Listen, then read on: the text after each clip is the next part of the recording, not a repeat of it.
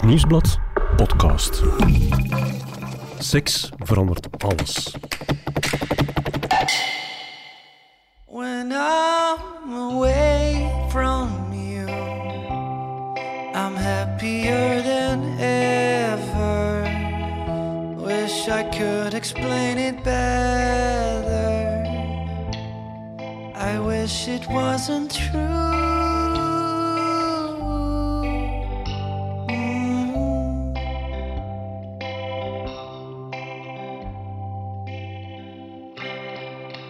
Schiet soms wakker, helemaal bezweet. Dan ben ik echt bang, angstig. En dan zie ik al die beelden van vroeger weer passeren. En dan besef ik dat ik weer over hem heb gedroomd. Seks is iets waar we allemaal wel eens over dromen.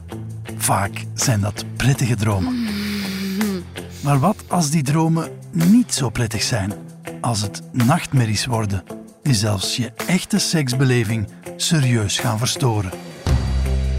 Ik ben Johan Terrein en deze podcast gaat over seks.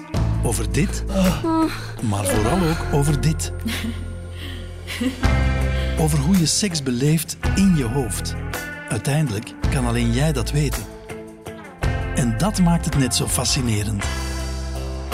Eigenlijk is seks een spiegel die van alles vertelt over jezelf en je relaties.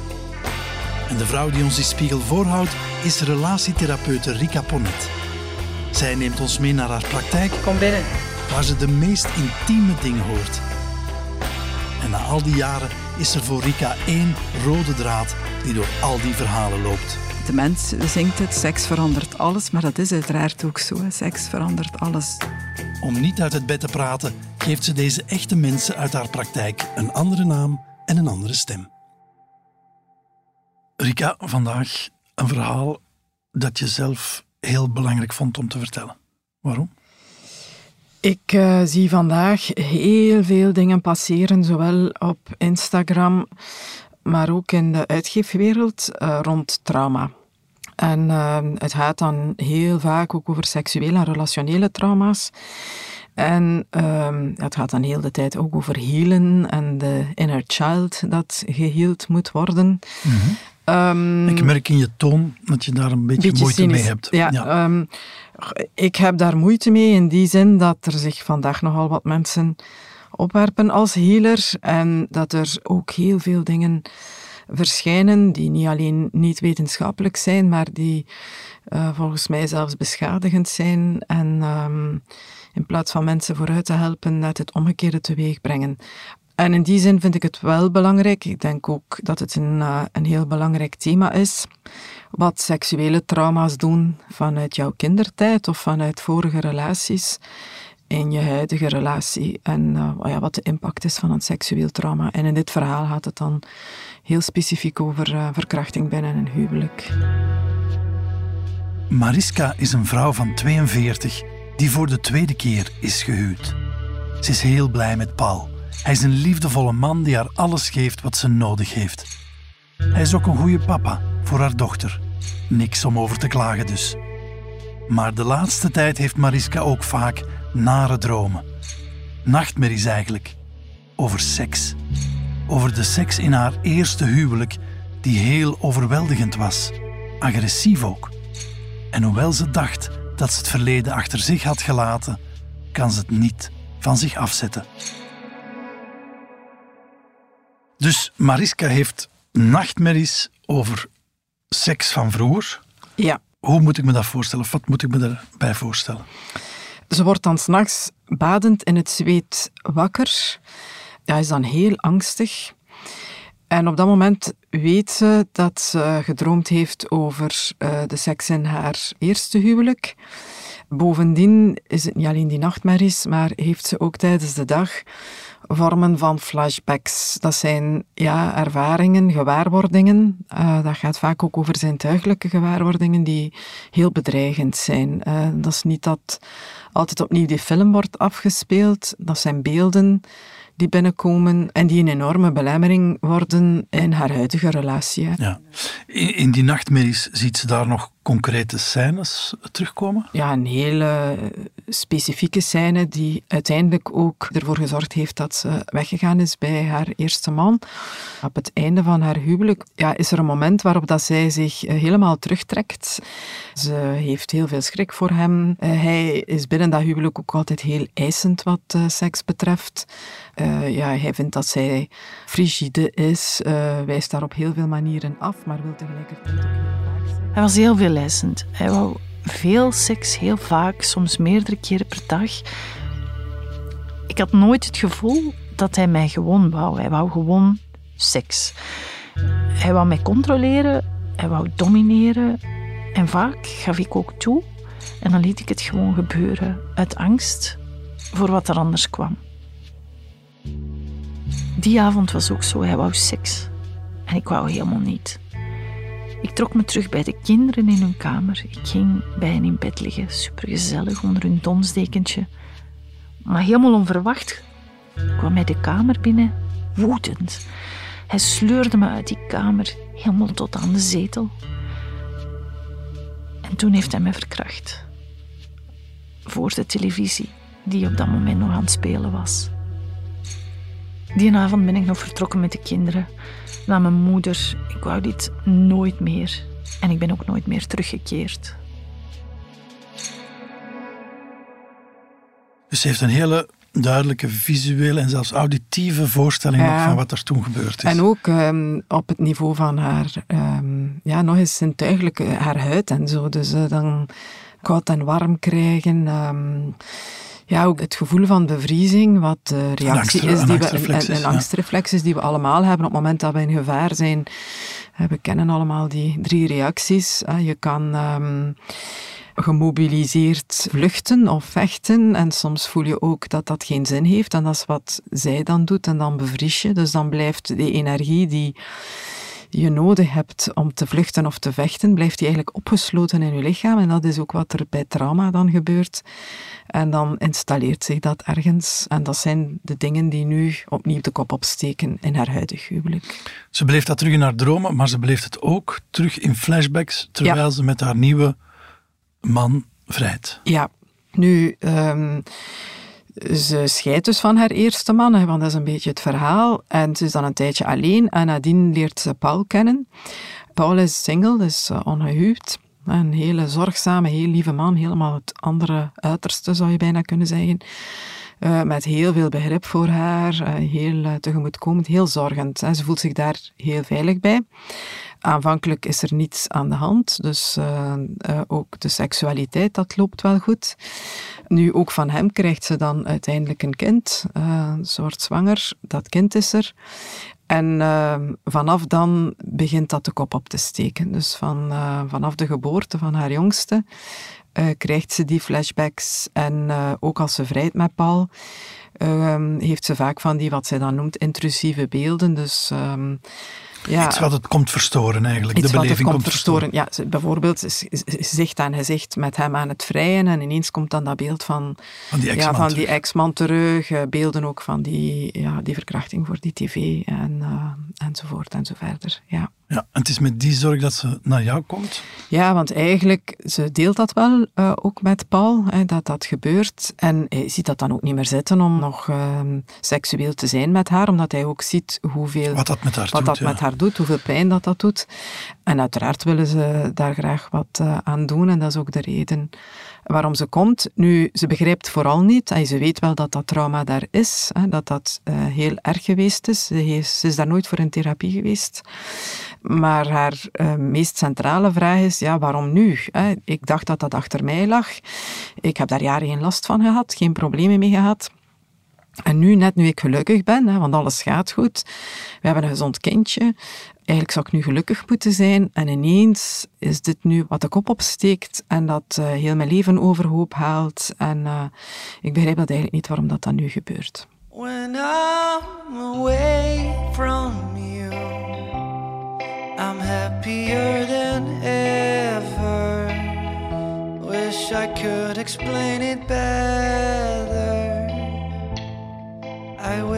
Wasn't true.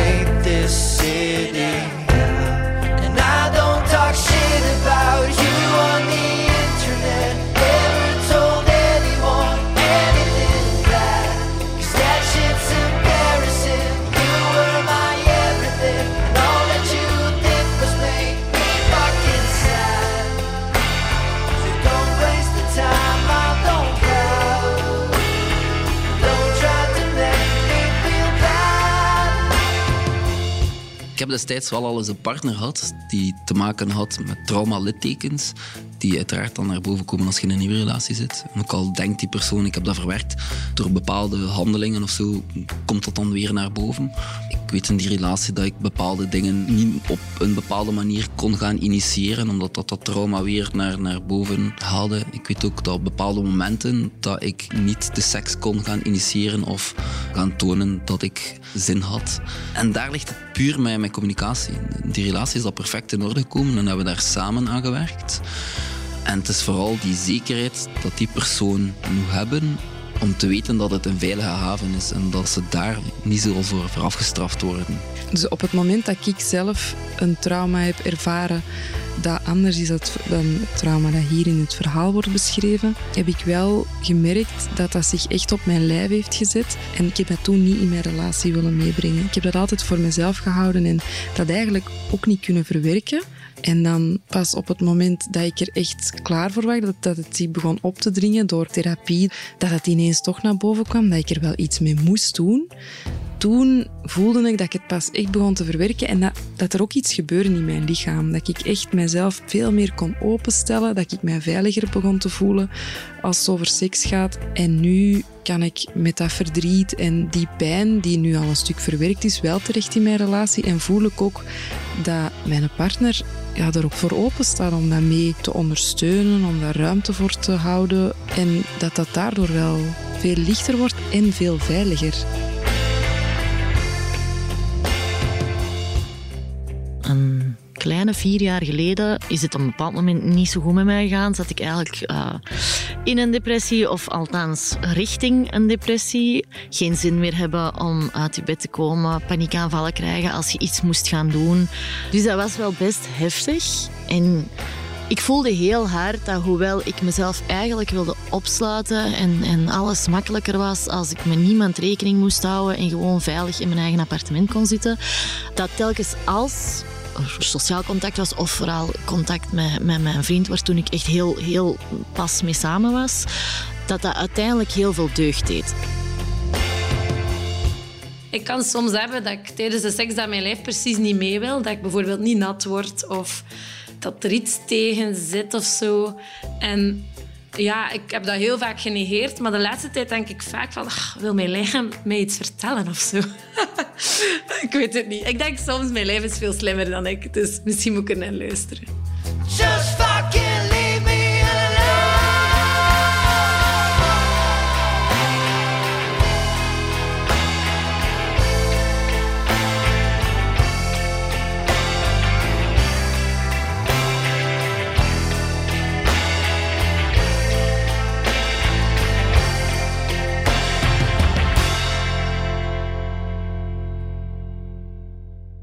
Ik neem aan dat je dan in therapie terugkeert naar die vorige relatie om dan te kijken wat daar allemaal Ja. gebeurd is. Inderdaad.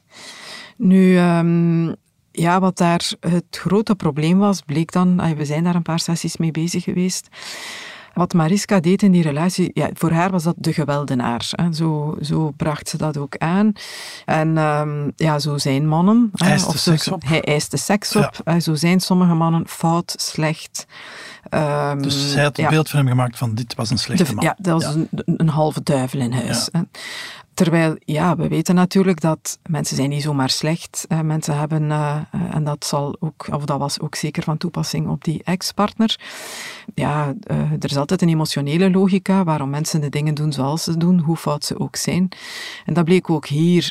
Um, van zodra er in dat huwelijk kinderen waren, werd heel snel duidelijk dat de aanwezigheid van die kinderen die man eigenlijk um, heel onzeker maakte. Hij vooral heel onzeker was over zijn positie tegenover haar en al heel vroeg eiste dat zij op een bepaalde manier een stukje afstand nam van die kinderen. Die moesten... Uh, die mochten niet tussen hen twee komen voilà. instaan. Ja. Ze moest heel vroeg al stoppen met borstvoeding. Eigenlijk had hij liever dat ze geen borstvoeding gaf. Uh, kinderen moesten vroeg naar de crash, mo moesten daar zo lang mogelijk blijven. Dus hij probeerde op heel veel momenten en op heel veel manieren uh, zijn positie af te dwingen. Uh, dat was uh, wat daar heel duidelijk speelde. En bij haar, um, en dat was dan een stukje de dynamiek in die relatie, zij had daarmate veel schrik van hem, ook een stuk vanuit haar geschiedenis, dat het contact met hem nooit echt veilig was. Ze had daar effectief wel seks mee, maar van zodra die kinderen er waren, haar emotionele noden invullen die ze eigenlijk via de relatie met die kinderen. En dat triggerde natuurlijk bij hem die angst voor verlating. Uh, ja, al maar meer. affectie bij die kinderen bij die bij kinderen. ja, ze ging eigenlijk heel sterk in symbiose met die kinderen. En um, ja, hoe ze het vertelde, daaruit sprak bijna alsof ze samenviel met die kinderen. De beleving van die kinderen uh, was als het ware haar beleving. Alsof ze dan zo kind naast de kinderen was. En um, ja, dat zorgde er effectief voor dat hij zich waarschijnlijk heel eenzaam voelde of heel alleen voelde. En op allerlei manieren, en zeker via seksualiteit als man en vrouw, dat is een manier om intimiteit af te dwingen die een vorm van volwassen intimiteit is, hè, die je niet met kinderen hebt. Hè. Ja, dat was zijn manier om haar altijd opnieuw in die relatie terug te halen. Ja, om eigenlijk terug zijn plek als partner op te eisen en, van haar te eisen. Hè, dat zij hem zag in zijn rol als, uh, als partner en ook toonde dat ze daarin geëngageerd was. En dat laatste verhaal waarin dat zij zich terugtrekt in de kamer met de kinderen, ja, dat was voor hem een totale afwijzing, of hij ervoer dat waarschijnlijk als een totale afwijzing ja, ook dat letterlijk zich bij die kinderen gaan leggen. Dat zijn kinderen die beschutting zoeken bij elkaar. Terwijl zij natuurlijk op dat moment een volwassen vrouw is die een vorm van bescherming zocht. Of dacht, ik ga bij die kinderen liggen, daar gaat hij mij niets doen. En daar ben ik veilig. Ja. ja. Dus er ontstaat een dynamiek waarbij hij eigenlijk ja, zijn behoeften of zijn angsten om verlaten te worden probeert ja, ja, op te eisen. Bij hem hing dat samen, hij heeft daar ook wel over verteld, met het feit dat hij van thuis uit ook. Um, hij had een heel, wat men dan noemt, een ambivalente mama. Zo iemand die, ofwel heel aanwezig. Hè, de ene dag ben je als kind uh, het meest fantastische kind, hè, de, de, de prins. En uh, de dag daarna word je uh, zonder enige reden ja, genegeerd of niet gezien of uh, zelfs uh, frontaal afgewezen of um, vernederd. En waardoor er bij hem ook een, ja, een heel onveilig gevoel bij nabijheid uh, is ontstaan in de loop der tijd. Was het anders voor die kinderen er waren? Was er dan wel een connectie tussen die twee? Een vorm van, maar dat was sowieso een relatie die niet in de meest optimale omstandigheden was gestart. Waarom? Omdat er aan beide kanten ja, kan je toch zien dat dat allebei kinderen waren die uit een gezinscontext kwamen waar er toch wel sprake was van heel heftige ervaringen aan zijn kant dus een mama die absoluut niet consistent was in het geven van nabijheid, liefde, zekerheid. En aan haar kant, eh, dat kwam dan ook uit het verhaal naar voren, zij was opgegroeid in een gezin met toch wel een vrij gewelddadige vader. Ja, een papa die ook uh, heel uh, seksueel eisend was um, en waarbij zij toch een aantal keer ook getuige was geweest van dingen die, die je toch als grensoverschrijdend kan omschrijven. Mijn vader die dronk. Ja, hij was een, eh, een echte kwaaie drinker, zoals ze zeggen. Hij kwam thuis. En als kind had ik al direct door aan de manier waarop hij die trap opkwam. Als hij stappen, hoe zat hij was. Dus ik trok me terug op mijn kamer. Ik bracht mezelf in veiligheid eigenlijk. En als er iets gebeurde, dan bevroor ik. ik. Ik hoorde dat, maar in mijn hoofd vluchtte ik gewoon weg. Ik had op mijn kamer een collectie van die supermooie, fonkelende Swarovski-kristallen. Je, je kent dat wel. Ehm, blinkende diamantjes. Ik was daar echt zot van als kind. Ik had die gekregen van mijn oma. Ik had daar echt een hele goede band mee. En mijn pa wist dat, dat ik die echt schoon vond. En op een dag kwam hij helemaal zat thuis compleet beschonken, begon hij te tieren en smeet hij die kristallen gewoon kapot op de grond. Soms werd mijn broertje eruit gepikt. Hij was nogal een druk kind. Hij was ook een beetje onhandig. Soms kreeg hij slagen en als ik er dan voorop kwam, dan kreeg ik ook, net als hij, de volle laag. Dus ik leerde wel van, ik moet daar eigenlijk niet tussen komen, ik moet dat niet proberen. En als hij agressief wordt, dan doe ik eigenlijk beter niks. Dus zo heeft eigenlijk die uh, bevriesreactie aangeleerd. Ontwikkeld, ja. En ehm, in elke volgende situatie dat mensen dan opnieuw het gevoel hebben dat er iets dreigends is, dissociëren ze en gaan ze uh, naar die bevriezingstoestand. Dat zijn ervaringen die zo overweldigend geweest zijn en waar op dat moment je als kind en ook um, je brein eigenlijk niet de mogelijkheid heeft om daar uh, mee om te ja. gaan, dat het brein jou een vluchtroute aanbiedt. En die dissociatie, en, uh, dat is dan eigenlijk een soort van u loskoppelen u van loskoppelen de van u, van u en van uzelf. Van ja, ja, heel vaak hoor je ook dat mensen uit hun lichaam gaan. Hè, ja. Dat ze in de hoek van, aan het plafond in de hoek van de kamer gaan zitten. Hè, dat is uit, en dan observeren ze zichzelf soms wat vanuit er met die jezelf hoek, gebeurt. Wat er dan met jouzelf gebeurt. Dus ja, je treedt echt uit dat lichaam. Ja, dus, uh, of je gaat naar een plaats in je hoofd uh, die je als veilig ervaart. Een witte kamer... Uh, liggend zwembad. Uh, ja, voor iedereen is dat anders, hè, maar een plaats die jij als veilig ervaart. En waardoor je dan ook um, niet meer ervaart wat er op dat moment met jouw lichaam gebeurt. Hè, omdat dat te overweldigend is en, uh, en je dat ook, uh, ja, die daar niet mee om kan op dat moment. Ja. ja. En die angstreflex heeft ze dus eigenlijk ook gebruikt binnen haar relatie met die ex-man. Ja, die Wanneer dat die ook. gewelddadig of kwaad werd, Ja. ging ze ook telkens in die bevries in die bevriesmodus. En uh, wat hij natuurlijk ook voelt. En wat eigenlijk een bijna ultieme vorm, uh, of ervaren wordt als een ultieme vorm van afwijzing. Hè, Ja. Van ik heb de macht, hè, ik, ik laat het u doen. Maar tegelijkertijd ehm, laat ik u heel goed voelen dat ik het eigenlijk niet wil. Wat ook niet aan haar kant leeft, hè, voor alle duidelijkheid. Dat is een getraumatiseerde vrouw die op dat moment in een uh, toestand geraakt die uh, samenhangt met uh, dat initiële trauma. Ja, dus een vorm van zelfbescherming. Absoluut, ja.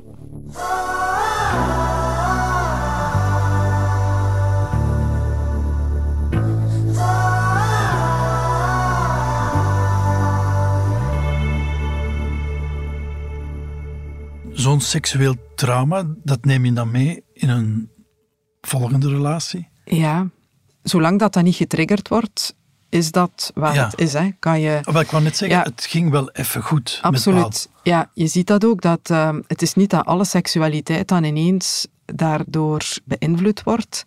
Zolang dat dat initiële trauma niet wakker geroepen wordt, kan dat goed zijn dat je daar op dat moment geen last van hebt. En uh, het was ook logisch in deze relatie met Paul dat dat niet direct aan bod kwam. Waarom? Paul was net het omgekeerde. Ja, Hij was iemand die haar heel veel, heel veel veiligheid bood, heel lief was. Initieel was die seksualiteit, ja, leek dat ook goed te zijn. En hij, ja, hij was daarin allemaal heel tegemoetkomend. Er was ook veel sprake van uitingen van affectie. Knuffelen, strelen, in de zetel tegen elkaar aanliggen. Waar zij heel veel nood aan heeft. Veilige intimiteit. Veilige intimiteit, ja, die geen seksualiteit is. In het begin vond ik dat aantrekkelijk. Zo een beetje het meisje in de vrouw die tegen mij aankomt zitten in de zetel. eh, streeltjes, zachte knuffels. Dus als man denk je dan, ah, bij mij vindt ze bescherming. Maar nu ik weet waar dat vandaan komt, ja, dan kijk ik dat toch anders. Ik voel mij daar zelfs een beetje schuldig over. Maar dan, de trigger eigenlijk is dan het, het nieuwe kind geweest. Ja, waardoor... Wat heeft dat dan wakker gemaakt bij haar? Um, ja, voor een stuk van zodra dat, dat kind daar is, heeft ze toch ook wel weer de neiging van uh, zich daar heel hard mee te identificeren. Dat net die geboorte van dat kind roept bij haar ook weer die kwetsbaarheid op.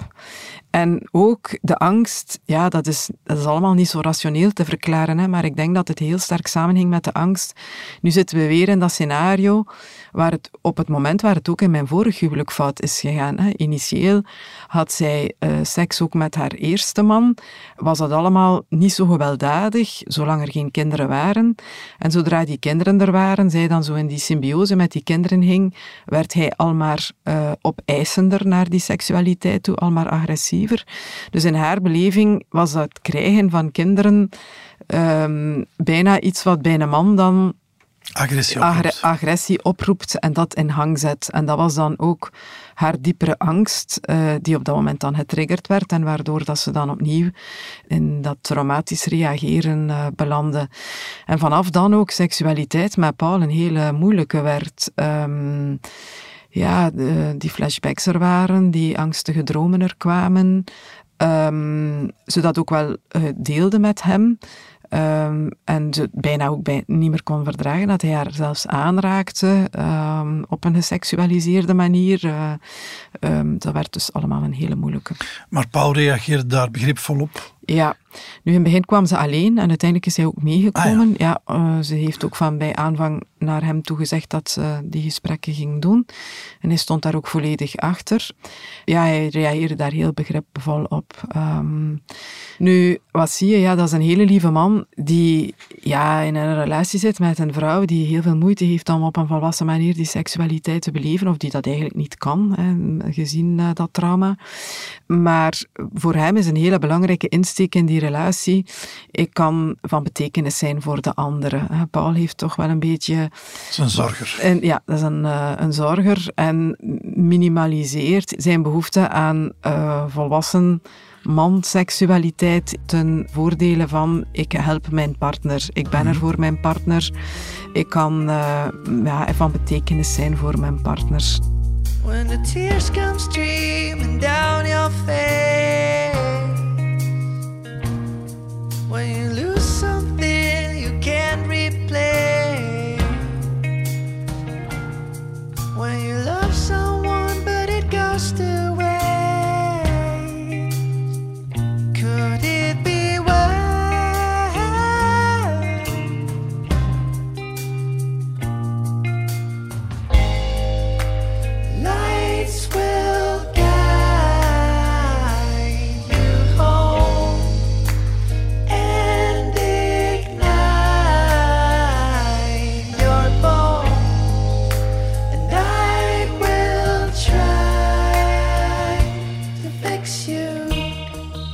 kan zelf niet goed spreken vanuit uh, mijn eigen ervaring.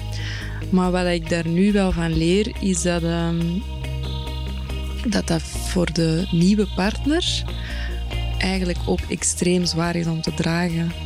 Omdat eigenlijk, als het trauma zo groot is, dan nestelt zich dat opnieuw in die nieuwe relatie. En dan wordt dat ook iets van hen twee. En dat heeft iets heel mooi, denk ik, maar uh, echt niet te onderschatten hoe zwaar. Zeker als dat gaat over uw fysieke integriteit of, of uw, psyche die, die echt diep, diep geraakt is. En je wilt terug in verbinding komen met iemand anders op dat vlak. Dan is dat sowieso iets van u twee. En ik vind dat eigenlijk wel uh, heel onderschat, denk ik. Hoeveel dat je als partner van daarin ook te dragen hebt? Ik vond dat persoonlijk heel moeilijk, omdat het een heel delicaat iets is. Je ziet die persoon graag, daar, je verlangt naar die persoon, je hebt je, hebt je eigen libido, dat, dat niet, niet anders wil dan die persoon vast te pakken en te kussen en, en, en er effectief seks mee te hebben. En op dat moment moet je dat langs de kant schuiven. Als je ziet van, oei, daar is iets dat die persoon geraakt heeft of dat iets losgewekt heeft, op dat moment moet je je verlangens langs de kant zetten en puur naar de noden gaan kijken wat die partner nodig heeft. Als je problemen hebt met, met seks of met aanrakingen of met hoe dat bepaalde handelingen gaan, dat kun je niet op je alleen gaan oplossen, omdat dat trauma enkel naar boven komt als die handeling zich voordoet. Ik merkte dat dat zoveel deugd deed om, om dan toch bij hem te zijn en zeker omdat ik mij bij hem wel heel veilig voelde, uh, dat dat, oh, dat dat uiteindelijk hetgene is geweest dat mij er ook wel sneller heeft doorgehaald.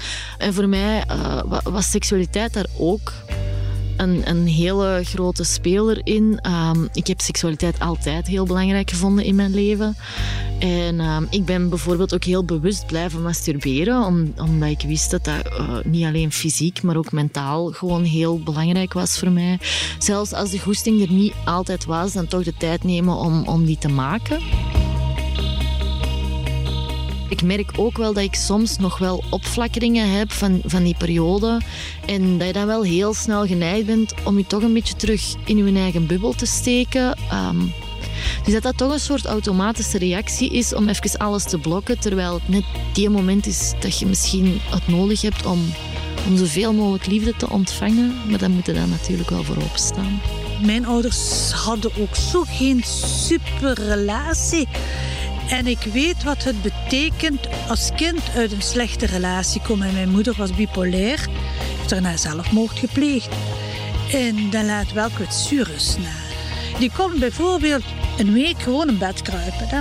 En wij waren kleinkinderen. Mijn vader ging werken. Die moest heel hard werken. En door het feit dat wij als kinderen aan ons lot overgelaten waren, is het misschien dat ik gewoon op zoek ben gegaan, ook naar die veiligheid. En ik had die eigenlijk wel heel erg nodig. Achteraf beschouw ik dat, dat ik die veiligheid nodig had in iemand die daar staat, van wie ik weet dat hij er altijd voor mij gaat zijn. Ik weet de cijfers van ongewenste intimiteiten en, en verkrachtingen. En nog kan ik daarvan schrikken hoeveel mensen dat effectief al hebben meegemaakt.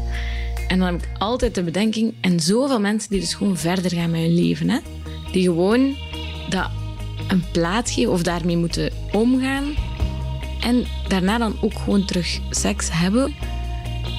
Maar dat is, ik kan me dat niet inbeelden. Hoe dat je van zo'n traumatische ervaring terugkeert naar intimiteit. Omdat seks is zo kwetsbaar, zo intiem en zo belangrijk voor jezelf als persoon, dat als dat deel van je identiteit wordt verstoord, dat dat een gigantische impact moet hebben. En als je daarvan kunt terugkeren, er zijn zoveel moedige mensen op de wereld.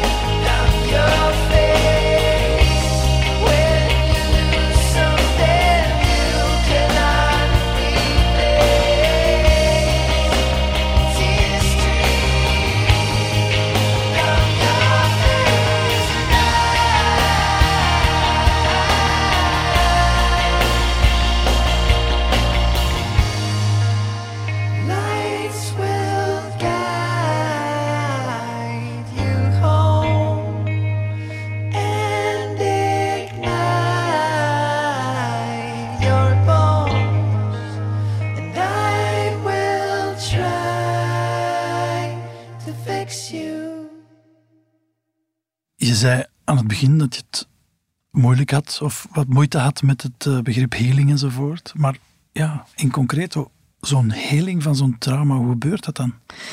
Dat is een hele moeilijke. Hè. Dat is iets wat um, met vallen en opstaan gebeurt en vaak heel veel tijd vergt. Uh, en het blijft iets waar mensen ook vaak een leven lang mee bezig zijn of mee worstelen. Um, en waarom ik het zo moeilijk heb met de wijze waarop dat, dat vandaag vaak naar voren wordt geschoven, hangt toch samen uh, met altijd opnieuw weer de boodschap, uh, je moet aan jezelf werken. Hè. Je moet het uh, bijna op je eentje doen of in therapie. Altijd opnieuw wordt er gezegd van, ja, je moet daaraan werken. Hè. Dat mm. is, um... Maar mensen hebben toch zelf ook de behoefte om daarvan, zeg maar, te genezen? Ja, absoluut. Ja. alleen op je eentje zo werkt dat, niet. Ja, het is niet meer wat posts te lezen op Instagram. Dat kan een eerste vorm van bewustzijn um, ontstaan rond datgene uh, wat gebeurd is. Maar um, ja, in tweede instantie, je, wat geneest er het best, dat weten we ook vanuit therapie. Eigenlijk is ook in therapie, hetgene wat werkt, is altijd de relatie tussen cliënt en therapeut. En ik vind dat een heel belangrijk om eens te vermelden. Dat gaat niet over speciale interventies of competenties of mensen die eh, over bepaalde krachten beschikken die eraan verzorgen dat jij bij de juiste en de goede therapeut zit. Dat gaat altijd weer opnieuw over hoe veilig is het contact met de persoon waar ik bij zit. En vanuit die relatie, vanuit de veiligheid van die relatie ben ik in staat om eh, met bepaalde dingen aan de slag te gaan. Hè, of om mij kwetsbaar op te stellen. Wat eh, dieper in jezelf te wat gaan. Dieper, voilà, dat is het. Dus ehm, de allerbeste setting om van iets te genezen, dat merken wij, is eigenlijk een intieme relatie, is een liefdesrelatie of een heel intieme vriendschap. En Dus dat wat was, dat betreft zat dit heeft heel zij goed. ja, zij- perfecte context om te genezen ja, eigenlijk. Absoluut. Ja. Ehm, bovendien ja, is dat een stukje zijn. Eh, ervaart hij daar ook een vorm van invulling rond hè, naar zijn behoeftes toe. Hij is heel graag op die manier van betekenis voor iemand. Dat geeft hem een heel sterk zelfwaardegevoel. Het feit dat hij competent is om er voor die andere te zijn. En, want ehm, ja, ze is ook heel lief, ze is heel bevestigend daarin. Dus hij voelt zich ook enorm gewaardeerd als partner. Ehm, en ehm, ja, eh, door het feit dat hij zo tegemoetkomend is, is dat eigenlijk ook als koppel een, ehm, ja, een fijn stel om mee te werken rond dit trauma.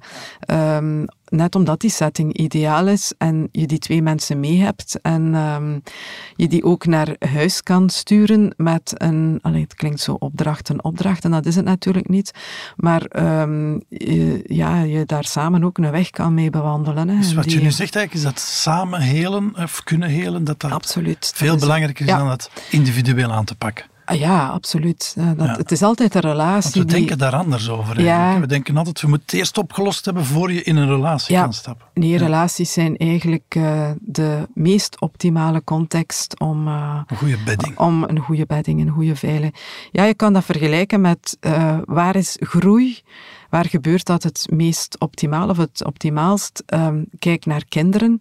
Waar groeien kinderen het best of in welke context? Dat is altijd opnieuw weer een context waar er sprake is van een basale veiligheid. Hè? En dat bij je ouders, het feit dat je daar je veilig voelt, je geaccepteerd voelt, dan eh, heb je echt veel energie om de buitenwereld te verkennen, om jezelf te ontplooien. Als volwassene is dat ook zo. Je ontplooit jezelf op de meest optimale manier als je eigenlijk een goede thuishaven hebt. Ja, we vergeten dat soms, maar de andere is van cruciaal belang in onze zelfontplooiing.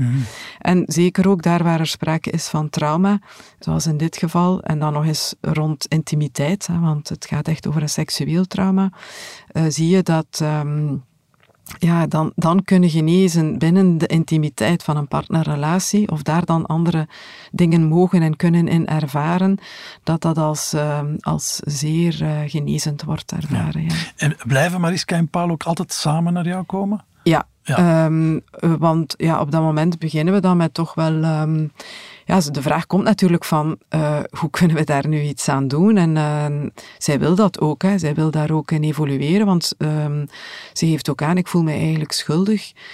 Ik kan hem nu niet meer geven wat ik hem voorheen gaf. Eh, dat kan niet. Ik ben een volwassen vrouw in een volwassen relatie. Terwijl hij van zijn kant zet daar geen druk op, maar ehm, ja, wil daarin meegaan. Hij geeft ook aan van eh, wat zij belangrijk vindt, dat, dat vind ik mee belangrijk. En, eh, en dan zijn we gestart met ja, het start op een heel bazaal niveau. Het is daar waar het in eerste instantie ook aangericht geweest is. Dat is in de intimiteit van, uw, van de beleving van uw lichaam. En eh, de macht en de beslissingsmacht die je hebt over wat er met jouw lichaam gebeurt. En dat is ook hetgene wat we proberen terug te geven in een dergelijke therapie aan degene die dat trauma opgelopen heeft. En hoe moet ik me dat voorstellen, dat teruggeven? Oh, dat is heel concreet. Eigenlijk bepaalt zij wat er in de intimiteit, in de context van die relatie en zaken intimiteit gebeurt. Hè. En we beginnen ehm, ja, heel simpel met aanrakingen. Zij kan aangeven van, ik word aangeraakt op momenten dat ik het aan kan om aangeraakt te worden. En aan de andere kant is er iemand die dat ook eh, respecteert. Dan heeft zij ook de mogelijkheid dat op het moment dat het eh, te overweldigend is, om dan aan te geven van, ja, nu niet meer. Hè, of tot daar en niet verder. En eh, anderzijds is het ook zo dat het voor haar belangrijk is om te leren op het moment dat er bijvoorbeeld een onverwachte aanraking zou zijn van zijn kant, ik stel maar wat, je staat in de keuken, de andere passeert jou en raakt jou aan, dat zij op dat moment dat dat voor haar een trigger zou kunnen zijn van overweldiging, dat zij op dat moment leert, want ja, anders verdwijnt alle spontaniteit ook uit uw fysiek contact, ja, van dat gevoel ook te dragen, hè, van niet automatisch naar die angstreactie te gaan, maar van ook te kijken van, eh, wat is dat nu? En dat gebeurt dan door ademhalingstechnieken aan te leren van ik uh, probeer nu eerst opnieuw rustig te worden. Dus ze gaan leren mediteren. Uh, dat is een, ook een goede manier om op momenten dat je in paniektoestand geraakt, zonder dat daar eigenlijk een reële aanleiding voor is, en je het gevoel hebt dat er gevaar is, om ervoor te zorgen dat je toch terugkeert naar die rusttoestand. Naar een normale toestand, ja. ja, Zijn dat dingen die je dan ook echt samen in de praktijk doet, die ademhalingsoefeningen en die aanrakingen? Ja, dat is eigenlijk vrij eenvoudig. Hè. Dat vind je nu wel goed online, vind ik. Er zijn uh, behoorlijk wat... Um, goede YouTube-filmpjes waar je zelf eens kan uh, proberen wat dat is, zo'n uh, ademhalingstechniek. Ja, dat gaat over um, inademen een aantal tellen, dat vasthouden en dan heel diep uitademen, waardoor je ziet je hartslag gaat naar beneden. Er treedt een soort van rust op, ook voor mensen die bijvoorbeeld voor het inslapen heel veel last hebben van allerlei uh, piekergedachten en mhm. zo, zijn dat eigenlijk technieken die, um, die heel goed helpen. Goeie ja. oefeningen om jezelf naar een rusttoestand te naar brengen. een rusttoestand te brengen. Dat aanraken is iets wat ze thuis deden. Hè. Dat is, uh, omdat ja, uh, het is ook belangrijk dat het gebeurt op een moment dat zij uh, zich daar een stukje klaar voor voelt. Dat ze zich sterk genoeg voelt um, om vanuit een echt bewustzijn te zeggen van oké, we gaan nu die, uh, die oefening doen. Jij raakt mij aan. Wat doet dat met mij? Om daar ook over te communiceren met hem. Um, waardoor dat dat um, eh, een bewuster iets wordt, in plaats van uh, altijd opnieuw weer iets dat getriggerd wordt en waarin dat ze vanuit een automatisme naar die angstreactie gaat. eigenlijk krijgt zij voor een tijdje een beetje de volledige controle over alles wat intimiteit aangaat. Wat er met haar lichaam gebeurt. Ja. ja. En dat is heel belangrijk. Dat is het, het, um, ja, um, het gevoel uh, dat jij eigenlijk beslist waar de grens ligt en dat er een ja en een nee kan zijn.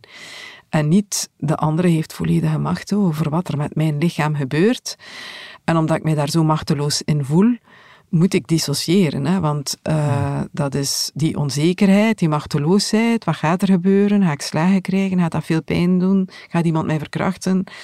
Maakt net dat je uit die ervaring gaat. Terwijl wat zij moet leren is opnieuw samenvallen met wat ze ervaart in haar lichaam. Er niet uit weggaan. En van het moment dat ze het gevoel heeft van, ja, daar gaan we weer, van, uh, dan is het belangrijk dat er een stop is. En ze toch probeert van daar terug naartoe te gaan. Ja. Zo'n heling is een lang proces, zeg je. Ja. Um, hoe ver staat het nu met Mariska en Paul? Ik denk dat die seksualiteit zeker vanuit waar ze dan nu stond en uh, de wijze waarop dat we het er dan ook in de therapie over gehad hebben, dat hij er zeker anders uitziet dan dat dat bij aanvang het geval was. En zij sowieso veel vaker behoefte heeft aan vormen van affectie en nabijheid die niet seksueel is. Het op schoot zitten, het knuffelen, de fysieke, veilige aanwezigheid. Dat dat altijd voor haar een, eh, een belangrijker verhaal zal blijven in het beleven van seksualiteit dan wat we dan eerder zien als een volwassen vorm van seksueel functioneren. Ja. Hm. Maar um, ja, voor hem was het heel belangrijk dat zij zich opnieuw goed voelde. En voor hem is het ook heel belangrijk dat zij daar heel open en eerlijk over is.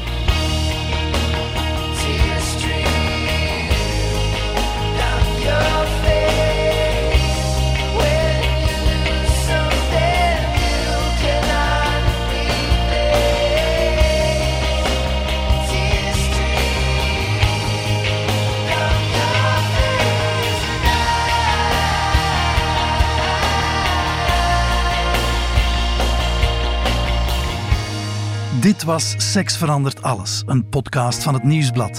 De stemmen waren van mezelf, Johan Terrein, en van relatietherapeute Rika Ponnet.